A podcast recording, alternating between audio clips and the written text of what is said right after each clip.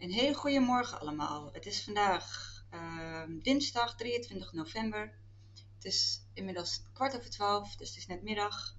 En ik voelde gewoon de behoefte om even van me af te praten. En dat doe ik door middel van een podcast uh, in te spreken. En ook gelijk even een, de camera aan te zetten. Dus dan kan ik hem ook op YouTube plaatsen. Um, ja, het gaat eigenlijk over de rellen die uh, geweest zijn de afgelopen dagen. Met name wat natuurlijk begon in Rotterdam en nou ja, door het hele land eigenlijk een beetje door is getrokken. En ik voelde gewoon de behoefte om daar even wat over te vertellen. En ja, omdat ik gewoon merk van dat het heel erg snel uh, alle, ja, dat, dat de neiging heel groot is om daar heel erg hard over te gaan oordelen. Terwijl ik denk ja, ik snap het wel dat er wordt, over wordt geoordeeld, maar dat gaat natuurlijk nooit oplossen, iets oplossen. Want ja, ik bedoel, uh, volgens mij lossen oordelen nooit echt een probleem op. En het versterkt eigenlijk alleen maar meer tegenstand en polarisatie. En daarmee praat ik natuurlijk absoluut niet goed wat er gebeurd is en welke schade er is geweest. En ik bedoel, dat, is, dat, dat spreekt voor zich. Maar ik denk, dat zal ik dan nog even gauw zeggen. Ik had een gedichtje geschreven en ik denk, nou ja, die ga ik gewoon even voorlezen. En um, dat verwoordt eigenlijk wel um, hoe ik het zie. Uh, rellen en een berg aan schade, de sfeer steeds schimmeriger en beladen. Geweld oplossen met geweld, dat lost nooit iets op, is mij altijd verteld. We praten over groepen en beginnen met z'n allen steeds harder te oordelen en te roepen. Polarisatie ontstaat volgens mij als we mensen als een groep bekijken en het menselijke aspect daardoor kunnen vermijden. Kijk naar de politie. Sommige daar gaan te ver qua geweld. Zonder dat onderscheid en met een oordeel voelt de hele groep zich bekneld. Maar ook daar werken vooral gewoon mensen met een leven, een gezin die iets bij willen dragen aan het leefklimaat. Die hele groep zit nu misschien in een pijnlijke spagaat. Door oordelen en de groep aan te vallen komen er ook steeds meer normen en waarden te vervallen. Wat zou het met jou doen als jij wordt aangekeken voor iets wat een ander doet? Wat doet dat met jouw gemoed? Dat triggert toch gevoelens van onrecht? Daar pas het mee omgaan is maar voor weinig mensen weggelegd. En ja, de rellen, natuurlijk oordelen we daarover. Dat kan iedereen. Maar daarmee stappen we over iets cruciaals heen. De onderliggende problemen, missen van een zinvol leven, waar nu al twee jaar nauwelijks iets is te beleven. En vaak een achtergrond van problemen, klein en groot. Veel jongeren denken mijn leven is toch al verkloot. Niet iedereen heeft het geluk van een goede en veilige achtergrond. De maatschappij op zoveel manieren sociaal gezien gewond. Een wankele basis, een online leven en spelletjes met veel geweld. Is dat gezond als een kind daar zoveel aan wordt blootgesteld? Niks te verliezen, dus waarom niet voor geweld kiezen? Een kat in het nauw maakt rare sprongen. De druppel lijkt bereikt, de rekker uit en dan lijkt dat rellen voor deze jongeren het enige passende besluit. Om te uiten van wat bij hen speelt, en als wij als volwassenen hier nu, nu niet op inspelen, creëren we een land dat nog erger wordt verdeeld. Natuurlijk is het nodig om grenzen te stellen, want voor hen zit de oplossing natuurlijk ook niet in rellen. Veel ouders zijn de grip kwijt, al lang met hun kind in strijd. Er moet iets gebeuren aan perspectief en een zinvol leven, voor we nog meer ellende gaan beleven. Nou, dat is gewoon een beetje verwoord hoe ik het zie, zeg maar. En de zorgen die ik daar eigenlijk wel over heb. Omdat, ja, als we niet gaan kijken naar wat er onder dit soort dingen ligt, dan raken we nog meer uit verbinding met elkaar. En het is gewoon, denk ik, heel gevaarlijk om um, groepen te gaan veroordelen. Terwijl daarmee, zeg maar, zet je dus een hele grote groep mensen weg voor iets wat misschien maar voor een paar procent van die groep telt of geldt. Hoe zeg je dat? Omdat je bijvoorbeeld, nou, als voorbeeld dus de politie. Natuurlijk, ik zie ook dat daar af en toe grof geweld wordt ingezet op een manier waarvan ik denk dat is niet correct. En het is allemaal wat te begrijpen, want iedereen daar is ook gefrustreerd. Maar dat mag je niet af gaan reageren op, uh, ja, op mensen waar, ja, wat gewoon niet klopt, hè, wat gewoon niet past. Maar anderzijds denk ik, ja, met gros van de politie doet dat niet. En die, ja, die zitten ook gewoon hartstikke in een rot situatie nu. Want je, je moet er maar voor gaan staan. Je moet maar gaan handhaven terwijl de groep zo groot is en, en zoveel agressie wordt gebruikt. En dan is het ook niet, um, ja, dan is het niet, niet eerlijk om dan de hele politie als, als dusdanig te bestempelen van dat de hele politie te veel, nou ja, te, dat het niet goed is en te veel geweld gebruikt. En, maar dat kun je in elke groep doortrekken. Dus dat kun je ook zien bij de mensen die niet gevaccineerd zijn, of de mensen die wel gevaccineerd zijn. En in dit geval de jongeren die dus nou, nogal over grenzen gaan op dit moment. En als ik dan een Mark Rutte hoor zeggen van uh, dan stel je idioten dit en dat en wordt niet getolereerd. En dan die grapperhaus met zijn strenge hoofd. Ja, dan denk ik van jongens, alsjeblieft, kom op man. Wees ook gewoon reëel. En ga niet denken, ze moeten nog maar even volhouden of het zint hun niet, dus doen ze dit, dus gaan we keihard nog harder optreden. Ik vind dat echt niet oké, want ja, ik denk soms wel, loop gewoon een keer een dag mee met zo'n jongere. Ga gewoon eens in die leefwereld stappen en, en kijk dan eens wat daar aan de hand is. In plaats van vanuit je eigen veilige kokonnetje daar iets over te gaan roepen. Wat totaal niet aansluit bij de werkelijkheid waar die hele grote groep in leeft. Ik bedoel, het is makkelijk praten, ook voor mij. Als je lekker veilig thuis zit en je hebt lekker alles voor elkaar. En ja, en je ziet, ziet dat gebeuren en huppakee, oordeel erover loslaten. Of zeggen van, waar zijn de ouders? En dat is allemaal wel een beetje te begrijpen. Maar het probleem is natuurlijk ook dat heel veel ouders de grip ook kwijt zijn op hun kinderen. En dat is uh, alleen maar erger geworden deze afgelopen anderhalf slechts twee jaar. Want ik bedoel, ga er maar voor, ga er maar aan staan. Hè? Als je gewoon een puberkind hebt of wat voor leeftijd dan ook. Die, ja, die ook steeds meer um, de grip kwijtraakt op zijn of haar leven. Uh, om zich heen eigenlijk niet echt het goed, goede voorbeeld uh, hebben. Waarin weinig um, perspectief is naar de toekomst. En waarin op een gegeven moment ook gewoon de druppel is bereikt. De grenzen zijn gewoon bereikt.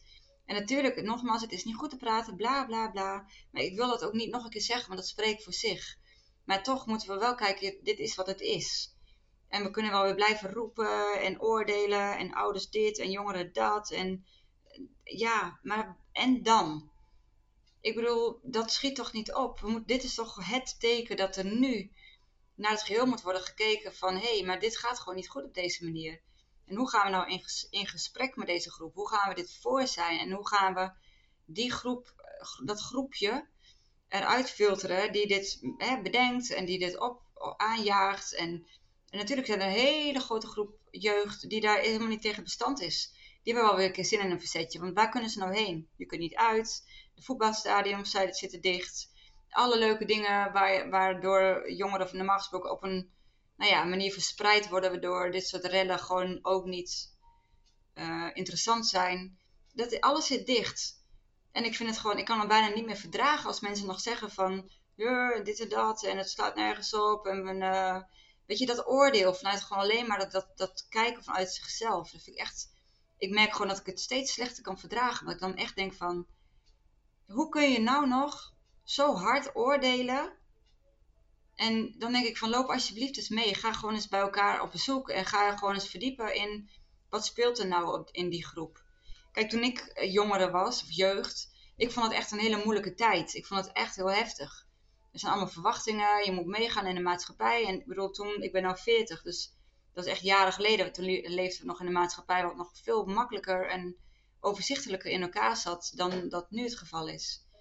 En dan, en dan vind ik het gewoon ja, ik heb er bijna geen woorden voor. Dat, dat, dat we nu dan weer zo'n debat gaan voeren over hoe we dit de kop in moeten gaan drukken. Maar dat, het valt de kop niet meer in te drukken.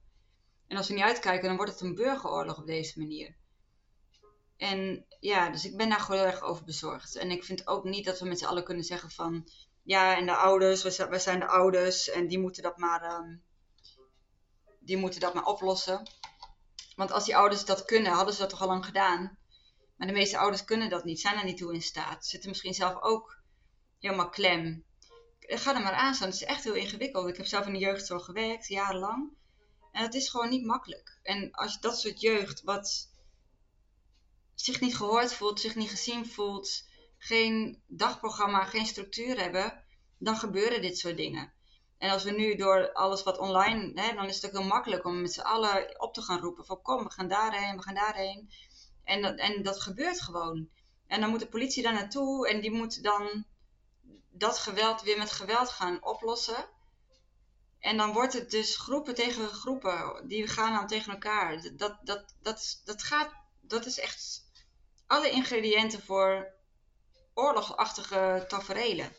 Voor geweld, voor zinloos geweld, voor grensoverschrijdend gedrag, waar niemand bij is gebaat, want ook de jeugd zelf niet.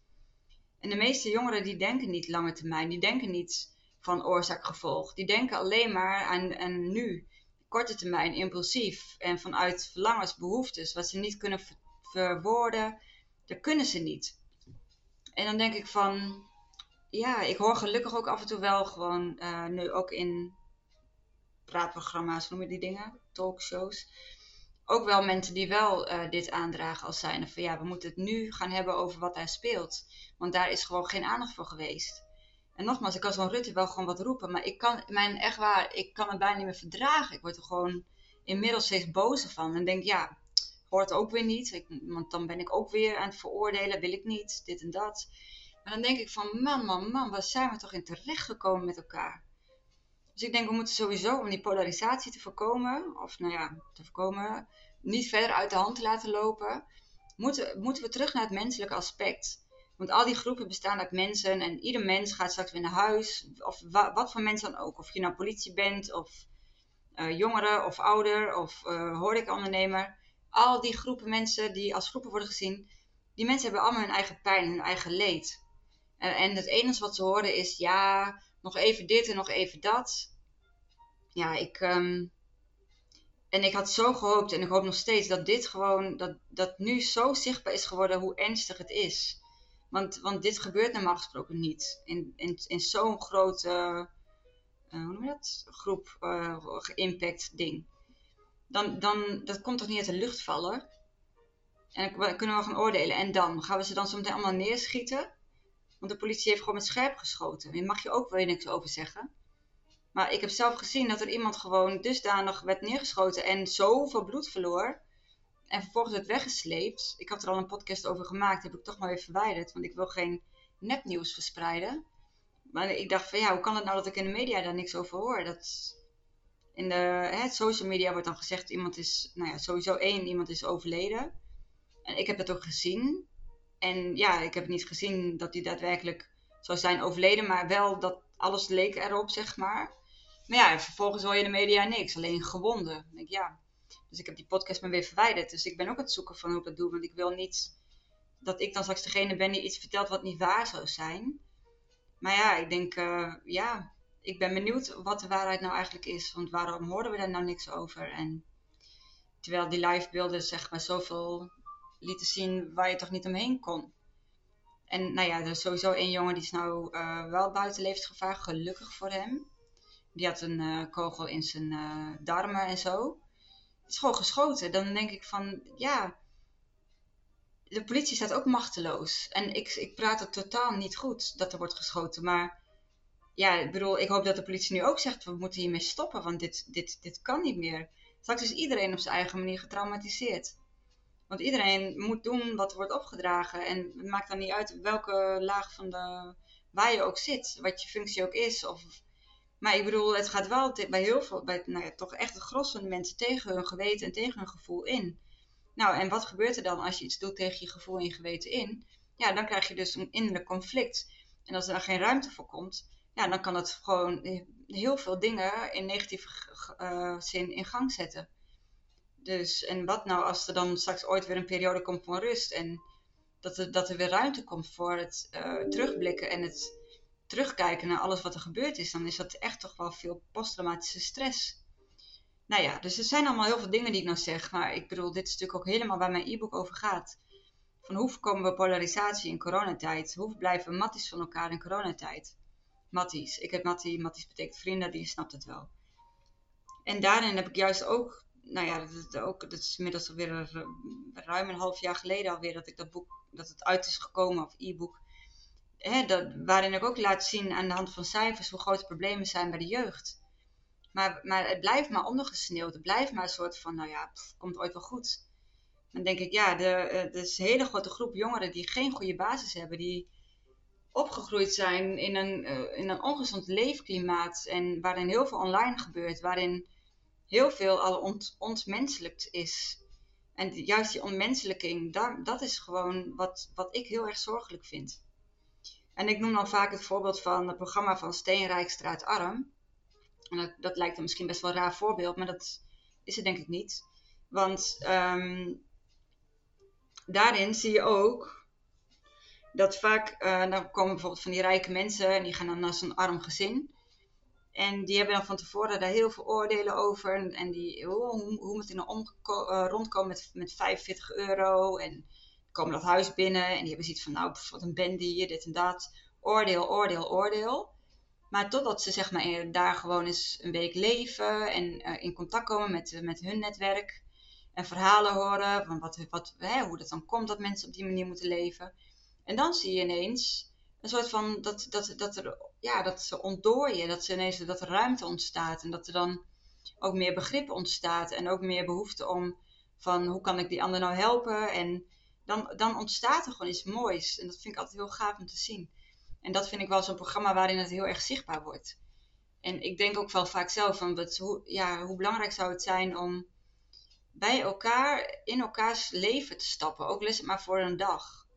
Kijk, een uurtje is niet zo heel erg zinvol, denk ik. Het moet wel gewoon, dat je gewoon eens een keer een dag meeloopt met zo'n jongere. En dat een jongere eens een keer een dag meeloopt met weer een andere groep. Weet je wel? Dus dat je die tegenstelling op die manier al wat kan laten zakken, zeg maar. Dus dat je dan wat meer, op die manier wat meer aan het begrip voor elkaar kan werken.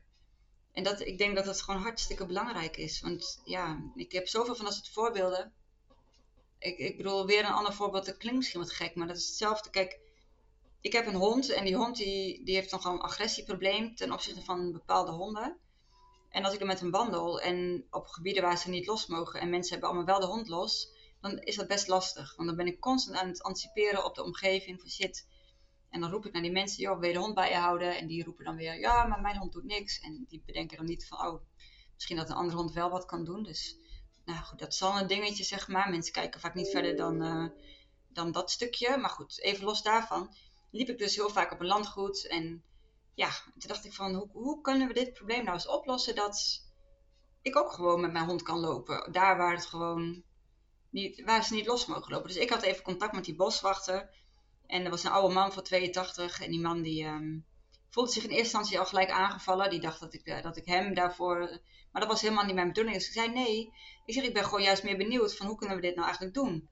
En toen kwam er bij die man echt zoveel los qua emoties en qua dingen waar hij tegenaan loopt. Hij was 82.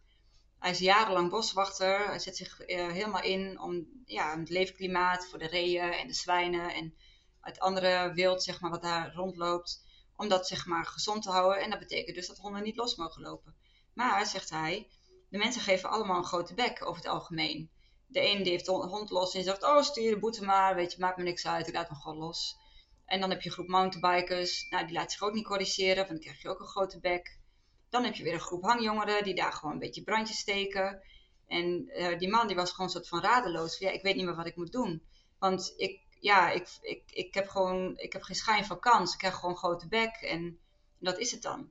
En toen dacht ik ook van ja, maar dat is nou ook wel zo'n situatie van als je gewoon niet, als je met zo'n man mee, mee zou lopen een dag, gewoon om eens een keer van A tot Z, van s ochtends 7 tot, totdat het donker is. En je loopt mee en je luistert eens van hé, hey, waarvoor zijn die regels eigenlijk? En is dat om, ja, wat zijn de consequenties als mensen dat niet naleven? Wat gebeurt er dan eigenlijk met het wild? Hoeveel meer reeën komen er dan onder de auto? Wat gebeurt er met die zwijnen die op hol slaan? Hoe gevaarlijk is het eigenlijk als zo'n zwijn jonkies krijgt en er een hond op, op afgaat? Omdat je dan gewoon ineens een hele andere manier van kijken kan creëren. In plaats van alleen maar mensen die het idee hebben dat hun wat wordt afgepakt. En daardoor uh, dus gelijk grote bek op gaan zetten. En toen daarbij dacht ik ook, van, ik, volgens mij is dat gewoon wat nu mist. Dat je gewoon niet meer weet wat er bij elkaar speelt. En dat zo'n man van in de tachtig een soort van radeloos is en ook niet meer weet wat hij moet doen. Omdat het gewoon zo aan het versplinteren is. En uh, de beleving van uh, wat er speelt bij verschillende groepen gewoon ja, dat, het leeft niet meer, zeg maar. Het, het is, en dat vind ik een hele gevaarlijke ontwikkeling. Want, uh, want zolang je niet dat kan invoelen van elkaar, uh, ja, is het ook heel makkelijk om te gaan oordelen. Nou, dan oordelen we gewoon en we vinden er wat van en we gaan weer door. Maar juist in deze tijd, waarin dus heel veel groepen en heel veel mensen gewoon best heel moeilijk zitten, op wat voor niveau, vlak dan ook, is het hè, economisch, zoals voor heel veel ondernemers, of uh, psychisch, heel veel jeugd, uh, weinig perspectief naar de toekomst toe. Ja, dan denk ik van, ik denk dat het nu de tijd is om, om echt anders te gaan kijken naar elkaar en als mens. En, dan kun je, en niet meer als groep, want als groep ben je verloren. En als groep uh, worden heel veel mensen onrecht aangedaan. En, vanuit dat onrecht uh, ja, moet je maar hopen dat, dat iemand daarmee om kan gaan. En dan ja, daar dan weer goed op kan reageren. Dus het is gewoon, het is een soort domino-effect wat we nu zien, wat ik nu zie, uh, wat de verkeerde kant op gaat, zeg maar. Dus um, ja, ik, ik, ik, mijn beleving is de oplossing vooral dat we weer ogen hebben voor elkaars problemen. En dan zonder, ja, dat je dan weer eigen stuk wil verdedigen of zoiets. Maar net zoals de antifaxers, of noem dat? De mensen die zich nu niet willen laten vaccineren, dat zijn allemaal antifaxers. En die hebben het allemaal veroorzaakt. En, en nou ja, hou maar op. Ik uh, word er een beetje moedeloos van. En ik denk van, we moeten gewoon voorkomen dat we een soort van uh, elkaar, ja, niet meer als individu zien en niet meer als de menselijke, het menselijke aspect. Echt waar, het menselijke aspect. Ik, daar sta ik voor dat dat zo belangrijk is. Want stap je binnen bij iemand die heel moeilijk zit en je luistert er echt naar, dan krijg je daar gelijk meer begrip voor. En dan zou je ook gelijk eerder geneigd zijn om te gaan helpen. Want ik heb al vaker verteld, ik kom hier in, de, in, uh, in mijn appartement waar ik woon. Er woont een vrouw van inmiddels 94. Daar ben ik een maatje van. Maar door daar binnen te stappen, iedere keer als ik daar vandaan kom, ben ik weer. Ja, merk ik ook hoe snel het bij mezelf ook verwatert. Dat je vergeet wat de impact is bij deze groep. De angst, de eenzaamheid. Maar ook bij deze groep wordt er toch veel gerefereerd terug aan de oorlog. Er zijn bepaalde angsten die hun voelen. En die, ja, die hun doet terugdenken aan die tijd. dus ik zeg, ik maak die vergelijking niet. Maar ik hoor hem wel omheen. Maar ik bedoel, ik denk dan wel eens van er is zoveel eenzaamheid en zoveel afstand. En stel je nou voor dat we iets kunnen in beweging kunnen zetten dat mensen, dat ieder mens voor één ander mens gaat zorgen of gaat helpen. Dus dat iedereen een maatje wordt van één andere persoon. Nou, dan daarmee los je al heel veel eenzaamheid en problemen op. En daardoor krijg je ook gelijk al veel meer contact en dus ook verbinding in plaats van afstand. En vanuit die, vanuit die verbinding komt er weer ruimte en, en is de kans op dit soort geweld en incidenten en rellen, uh, ja, kun je daarmee ook echt uh, drastisch verlagen, zeg maar. Dus um, ja, dus ik vind dat eigenlijk allemaal wel belangrijk. Ik heb heel veel dingen opgeschreven wat ik totaal nu niet um, erbij heb gepakt. Ik praat graag uit mijn hoofd, zeg maar. Maar goed, en ik denk ook daarnaast uh, dat het ook heel belangrijk is dat we oog blijven houden voor elkaars eigen proces ik had laatst even een, nou ja, een gesprekje met iemand en die zat er eigenlijk net zo in als mij. Maar die was dan toch heel erg boos op mij, omdat ik dan toch een zelftest had gedaan. Omdat ik werk in de zorg en ik ben niet gevaccineerd en dat, dat doe ik ook niet. En uh, mijn vriend had corona gehad en ja, toen dacht ik van ja, dan ga ik wel gewoon uh, op mijn manier um, zorgen nou, dat we even apart slapen en totdat de klachten over zijn. En ik hou het dan even door middel van een zelftest in de gaten van ja, of ik dan zelf gewoon weer naar mijn werk kan gaan. Dat vind ik normaal. Maar die ander, die voelde zich helemaal, ik weet het niet, die oordeelde daar heel hard over. Van ja, en dan sta je toch niet aan mijn kant. En want je doet een zelftest en en je laat je vrienden dus zomaar alleen slapen. En nou, dan, uh, dus, en ik had echt iets van, wow, wat gebeurt hier nou? Hoezo oordeel je daar zo over? Weet je, ik bedoel, ik maak gewoon keuzes zoals ik ze zie. En die ander maakt keuzes zoals zij ze ziet. En als wij dan ook nog eens gaan oordelen over elkaar, terwijl we wel allebei aan dezelfde kant staan, zeg maar. Nou, als wij al niet het gesprek met elkaar aan kunnen gaan, hoe is het dan wel niet als je bijvoorbeeld helemaal um, die afstand hebt tussen mensen? Dus, dus ik heb dat gelukkig heel goed kunnen oplossen en verwoorden. En ik schrok er gewoon van. Ik denk, hè, mag ik alsjeblieft mijn eigen keuzes maken? Mag ik alsjeblieft doen wat ik zie als gezond verstand? En waarom, waarom mag ik niet gewoon dat doen? Dus ik vond het echt zo gek. Kijk, ik ben iemand die gaat zonder mondkapje de winkel in. En dat is een bewuste keuze. Ik heb zo'n kaartje bij me van de uitzondering. En ik, ik respecteer ieders afstand. Dus ik, ik, uh, ik let goed op. En als ik iemand zie kijken van waar, dan denk ik, nou oké, dan ga ik even afstand nemen, dit en dat. Maar een andere vriendin van mij, die, die durft dat niet. En die heeft zoiets van, ja, ik wil het wel, maar ik vind dat eng. Want ik vind het ook eng om uh, buiten de groep te vallen. Of en ik vind het eng, ik ben bang dat mensen daar iets van vinden. Nou, dat is het proces van haar. En wie ben ik dan om daar dan wat van te zeggen? Van ja, maar als je, als je er niet achter staat, dan moet je dat niet doen. Dat slaat toch nergens op? Ik bedoel, alsjeblieft, laat elkaar een beetje in, in elkaars waarde. En attendeer elkaar op dingen, maar ga niet uh, je mening lopen opdringen of opleggen. Dat vind ik gewoon wel belangrijk. En ik denk ook, ik spreek dit soort berichtjes en degene die, die daarna willen luisteren, die luisteren daarna. En, maar ik ga dat niet lopen opleggen van, ik ga niet mijn hele, uh, hoe noem je dat? Uh, of alle contacten, al mijn podcasts steeds lopen opsturen. Wat heb ik eraan? Wat hebben hun eraan? Niks. Want als je er niet aan toe bent, dan komt het toch niet bij je binnen. Dus, um, nou ja, dus ik vond het best wel een bijzondere gewaarwording dat je dan met iemand die dan ook, zeg maar, nou ja, niet achter beleid staat en zich ook zorgen maakt om de toekomst, dit en dat, dat, dat, dat diegene dan toch nog zo hard kan oordelen, omdat ik bepaalde keuzes maak waarvan ik denk dat ik ze gewoon, ja, dat het voor mij gewoon goed uit te leggen is en voor mij goed voelt. Dus toen merkte ik ook wel van ja, zo snel oordelen we naar elkaar en zo snel gaan we uit die verbinding naar elkaar en dat vind ik best zorgelijk. Dus ja, als je dit hoort, ik denk van, nou, misschien heb je er wat aan dat, om te weten dat iedereen nu in een sneltreinvaart ook door eigen innerlijke processen gaat. Hè? Door um, ja, je uit durven spreken, dat is nogal iets. Ik doe dat best makkelijk.